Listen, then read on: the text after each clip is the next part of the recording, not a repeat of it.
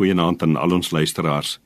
Eerstens wil ek sommer vir jou dankie sê dat ek die afgelope week iets van jou lewe, jou hart, jou gedagtes kon deel en dat jy my toegelaat het om as 'n klein deeltjie van God se meesterplan ook in jou lewe in te praat.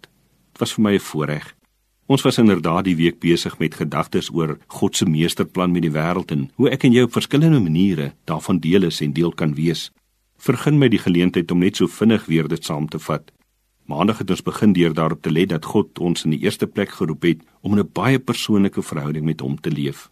Deel van hierdie meesterplan is dat ek en jy sal leer om met hoop, met vergifnis, met diversiteit, 'n lewens te leef wat geïntegreerd is, wat heel is. Verder kan ons dit net doen as ons 'n lewe van gebed leef, waarin ons ook ons kwesbaarheid sal erken en met die strategie van liefde sal leef. En as die lewe vir ons oor God se meesterplan gaan, dan leef ons ook 'n oorvloedslewe binne die lywe wat God vir ons gegee het. Daarom wil ek vanaand afsluit met die gedagte dat ons hierdie lewe, hierdie meesterplan lewe van God, natuurlik ook kan leef met die wete aan die een kant dat die volheid daarvan nog op pad is in die ewigheid, maar aan die ander kant ook dat ons iets daarvan alreeds nou 'n realiteit in ons lewens kan ervaar. As mos die ou gedagte dat 'n gelowige se lewe gerig is op a pie in the sky when you die. Dat geloof jou help om eendag as jy sterf hemel toe te gaan en dan in God se teenwoordigheid te wees. En dis waar. Maar wyle Prof Hannes Olivier het destyds op Stellenbosch vir ons ook gesê dat daar ook 'n ander kant daarvan is. Dat 'n lewe van geloof ook steak on your plate while you wait is.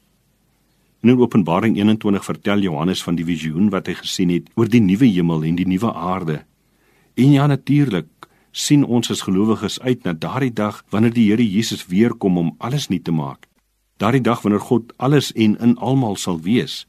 Ons sing mos daarvan in die ou bekende as hy weer kom, as hy weer kom, kom haal hy sy en dis waar.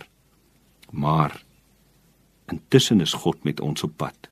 Intussen wil God ons op hierdie ou aarde gebruik Intussen is hy hier in die jaar 2020 besig om my lewe en jou lewe in Suid-Afrika te gebruik as deel van sy meesterplan om alle volke en tale en nasies te vertel van sy liefde.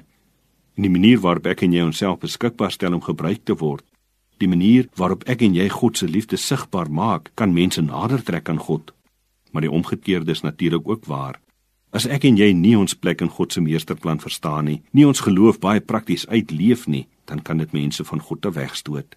Mag ons daarom elke dag leef asof hemel reeds aangebreek het op aarde.